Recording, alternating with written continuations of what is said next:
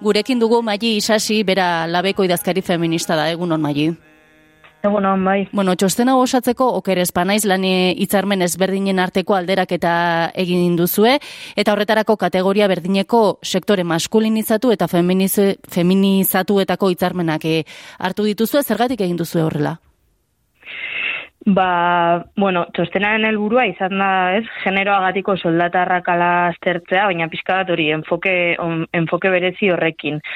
E, konparaketa hau egin dugu aztertzeko, ez, azken finean, e, generoaren araberako lan merkatuaren antolaketak, ez, e, sortzen dituen bere izketa horiek, e, bueno, sakonago edo aztertzeko e, uste genuen, ez, e, nolabait segregazio vertikala deitzen dioguna, ez, edo e, kristalesko zapaia eta guzti hori, nolabait, bueno, e, azken urteetan e, egindako lanaren bidez, eta naiz eta oraindik ere lan handia e, dagoen egiteko, ba, ezakit ikusgarriago edo e, egin dela, baina e, nolabait segregazio horizontala edo azken finean, ez, esaten dugun e, generoaren araberako e, lanbanak eta hori, ba, bueno, pues, e, sozialki onartuagoa dagoela, ez, e, e, sektore batzuk feminizatuagoak egotea, ez? Edo emakumei esleituak egotea eta beste sektore batzuk e, gizonei esleituak egotea, hori nolabait e, bueno, onartuago edo zegoela eta azken finean hori azalera ekarri nahi genuena zen e, soldata arrakala, generoagatiko soldata arrakala egiturazko izaera daukala, ez? Eta eta azken finean hori erakunde eta instituzio publikoetatik emandako e, datuek, soldata harrakarari buruzko datuek, ba askotan errealitate gordina, ez, ez digutela ikusten usten edo edo pizkat realitate hori iskutatzen dutela, pues azkenean hori eguneko eguneko 23aren inguruan hitz egiten denean eta orduan, bueno, pues nahi genuen pizka bat eh estrukturala den hori edo pizka bat erroan dagoen hori aztertu. Esan dugu alderak eta induzuela hitzarmen ezberdinen artean zeintzuk izan dira aztertu dituzuen hitzarmenak? Ba, zuk esan bezala hori hartu ditugu, e, bueno, argiki edo maskulinizatuta dauden eremu batzuetakoak, e, izan eraikuntza metala edo kale, kale garbiketako hitzarmenak eta konparatu ditugu feminizatutako sektoreetako lan, lan hitzarmen batzuekin, ez? E, elikagai gintza merkataritza, helduen egoitzak eta aretoetako garbitzaien hitzarmenak hartu ditugu. Eta esan bezala hori, e, ba, berdinak edo parekoak diren kategorien artean egin dugu e, alderaketa, ez? E, hau da, pues, lan berdina edo antzekoa e, egiten duten e, postuak edo, bueno, titulazio antzekoa daukate postuak eta bat. Mhm. Eta gainera hori, ba, pizkat e, emakumek zenbat gutxiago kobratzen duten kalkulatu beharrean, e, asmoa izan da kalkulatzea sektore maskulinizatuetako soldata zenbat handiagoa den e, bueno, iruditzen zitzaigulako horrek ematen zigula nolabait, ba, norabide bat edo ze aldaketa lortu behar dugunaren e, ideia, ideia bat. Eta zein izan da ondorio nagusia? Bueno, ondorio nagusia e, argiki da e, emakumeok egiten ditugun lanak debaluatuta daudela, e, balio gutxiago ematen zaiela, lan berdina egiteagatik, ez? E, bueno, emakume emakumeok egiten ditugun lanei. Esaten genuen, ez? E, Pizkat e, azterketa honekin ere gatozena kolokan jartzera da gaur egun ez dela e, berdin e, baloratzen, ez? E, lan berdina, soldata berdina e, leloa, bueno, pues nolabait erortzen dela edo edo desmontatu behar dela e, ikusten delako, ez? Nola e, bueno, e, devaluazio hau emakume izate utxagatik jasaten jasaten dugula, ez? Eta e, azken finean hau dela soldata soldatarrakala e, sortzen sortzen duena. E, datuetara ekarrita edo pizkat ondorio ondorio nagusiak ikusi dugu nola e, seitzarmenen alderaketa honetan sektore maskulinizatu batzuetako soldatak, e, feminizatu batzuetakoak, baino euneko laro gehieta mara undiagoak direla. E, adibidez, hori, gipuzkoako eraikuntzako biltegiko peoi baten e, baldintzak, ez, e, konparatzen baldin baditugu, helduen egoitzetako kategoria bereko langileen soldatarekin, eguneko laro gehieta mar, koma mar gehiago kobratzen du. Hau da, e, ari gara hitz egiten, ia soldata bikoitaz. Hmm. eta, bueno, hori beste herrialde batzuetara eta beste beste hitzarmen batzuetara ere konpara, bueno, edo esportatzen baldin badugu ere, e, bueno, antzeko datuak ateratzen zaizkigu, ez? Adibidez, e, araban eraikuntzako langile baten e, soldata, supermerkatuetako langilearena, baino euneko laro gehieta bi handiagoa da. Edo, edo Nafarroan, metaleko langilearen e, soldata, helduen egoitzetako langilearena, baino euneko laro bi ere bai handiagoa da. Orduan, bueno, ez garela hitz egiten, e, ez, e, datu edo kasu isolatu ez, baizik eta, bueno, modu estruktural batean, e, arrakala hauek e, handiagoak direla, ez? E, osa, edo oso handiak direla sektore feminizatu eta eta maskulinizatuak konparatzen baldin baditugu. Eta honek azkenean, e, bueno, e, ekartzen digu realidade gordinago bat, ez? E, mai gainera eta pues azken urteetan soldataren egiturari buruzko inkestatik lortutako datuek, ez, esaten zuten emakumearen bataz besteko soldata, uneko geita iru basuagoa dela, ba ikusten dugu ez nola datu hauek askoz askoz e, altuagoak direla. Bai, ze eh, honekin guztiarekin inork pentsa dezake edo ondorio ez dezake gizonezkoen e, soldatak izan daitezkela altuak kategoria horietan, baina ez dakit hori horrela den, ondorio hori atera laiteken edo edo zein den hemen benetako erroa edo arazoa.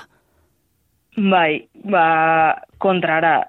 e, ez, e, egia da, e, iruditzen zitzaigula, ez, modu honetan planteatzeak e, konparaketa e, ematen zigula ideia bat, e, bueno, hori lehen esan dakoa, ez, proiektatu beharreko aldaketarena, baina horrek ez du esan nahi, e, gure aspirazioa e, ere e, soldata gizonen edo bueno, e, maskulinizatuta duden sektoretako soldatak direnik ze e, ere askotan ez dira ez dira honenak kontua da hori, konparatzen baliz ditugu e, emakumeenekin, emakumeenak dira, basuak direnak, basuegiak direnak, ez? Eta e, oza, kasu batzuetan ikusten ari gara nola sektore feminizatu askotan, ez? E, e, soldatak ez direla ez da mila eurora iristen, ez? Gauden, gauden testu inkuru honetan, orduan, bueno, pues honek azkenean... E, Osa, daukana atzetik da ere bai, ez? E, osa, emakumen lehen esan dako emakumen lanaren devaluazioa, eta gainera emakumen lanak askotan, ez? E, bueno, bizitza sostengatzeko edo zaintza lanei lotutako e, lanak dira, ez? Eta horregatik ere bai, pues, e, e, aitortza e, sozial eta ekonomiko askoz askoz e, basuagoa daukatenak. hau, hau guztiak aipatzen ari zarenagatik ez badira datu ofizialetan edo oinarritutako ez datuetan egindako txosten bada, baina hor badira e, lan hitzarmen batenpean edo lan egiten ez duten emakumeak, zer gertatzen da emakume horiekin? Zein, zein susmo duzu gertatzen dela emakume horiekin? Bai, ba, esaten genuen, ez, e, argazki hau, e, bueno, e, osatzeko kontutan hartu behar dela hori, e, euren lan baldintzak itzarmen bidez e, arautzen ez dituzten e, langilei erreparatzen baldin badiegu, euneko irurogeita amabost emakumeak dira. E, hau da, e, oza, euneko irurogeita amabost, lautik iru e, daude e, lan hitzarmenetatik kanpo. Eta horrek esan nahi duena da azken finean ba e, langile estatutuaren lan baldintzak ezartzen zaizkiela eta eta e, urteko, bueno, posilabetean e, hori, mila eurotik berako e, soldata, 2008ko e, zenbatekoa da, baina, bueno, referentzia bezala, eta, e, bueno, horrek esan nahi du, ez, langile haue guztiak egongo liratekela, bueno, guk ere labetik finkatutako gutxieneko soldatatik askoz berago, ez?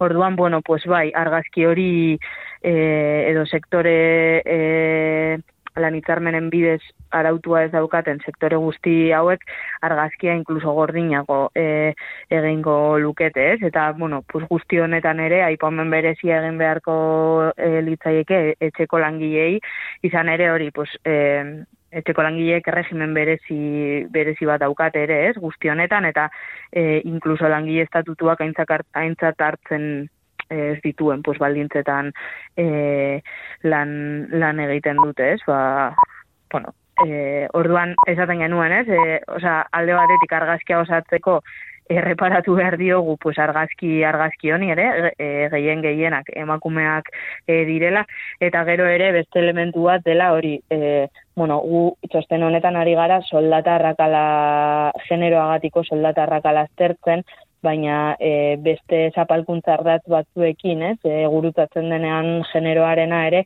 ba ikusten dugu nola soldatarrakala hori ere, pues, e, haunditu edo, bai, esponentzialki haunditu egiten dela.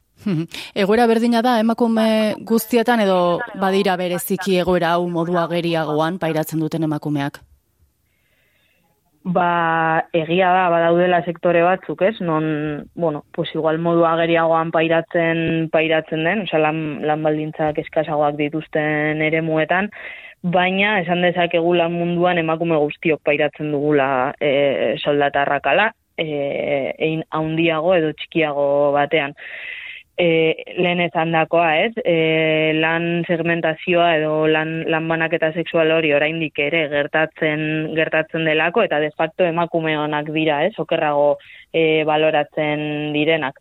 Ordan esaten dugu egia bueno, konparaketa orokoronek ematen dizkigula, ez? E, pizkat e, datuak, baina soldatarrakalaren atzean e, arrazoi eta mekanismo asko ditu sistemak, ez? Pizka bat, e, bueno, genero agatiko soldatarrakalau e, iraunarazteko. Izan, e, oza, diskriminazio zuzena, ez? E, berez legala ez dena, baina lan bera agatik, ez? Emakume batzuk zuzenean gizonek baino gutxiago kobratzea, izan lanaldi partzialak ez, emakumei egostea, e, kasu honetan ere, uneko, laro, uneko irurogeita mabosta ez, emakumeek betetzen dituzte ego euskal herrian, izan e, lanpostuen valorazio androzentrikoak egitea, ez, ba, balio bereko lanagatik e, desberdin baloratzea, izan lanaldi lanaldi temporalak, ez, emakumei egostea edo soldata osagarriak edo ordaintzariak, ez, askotan, bueno, pues soldata diferentzia ekartzen ekartzen dutenak,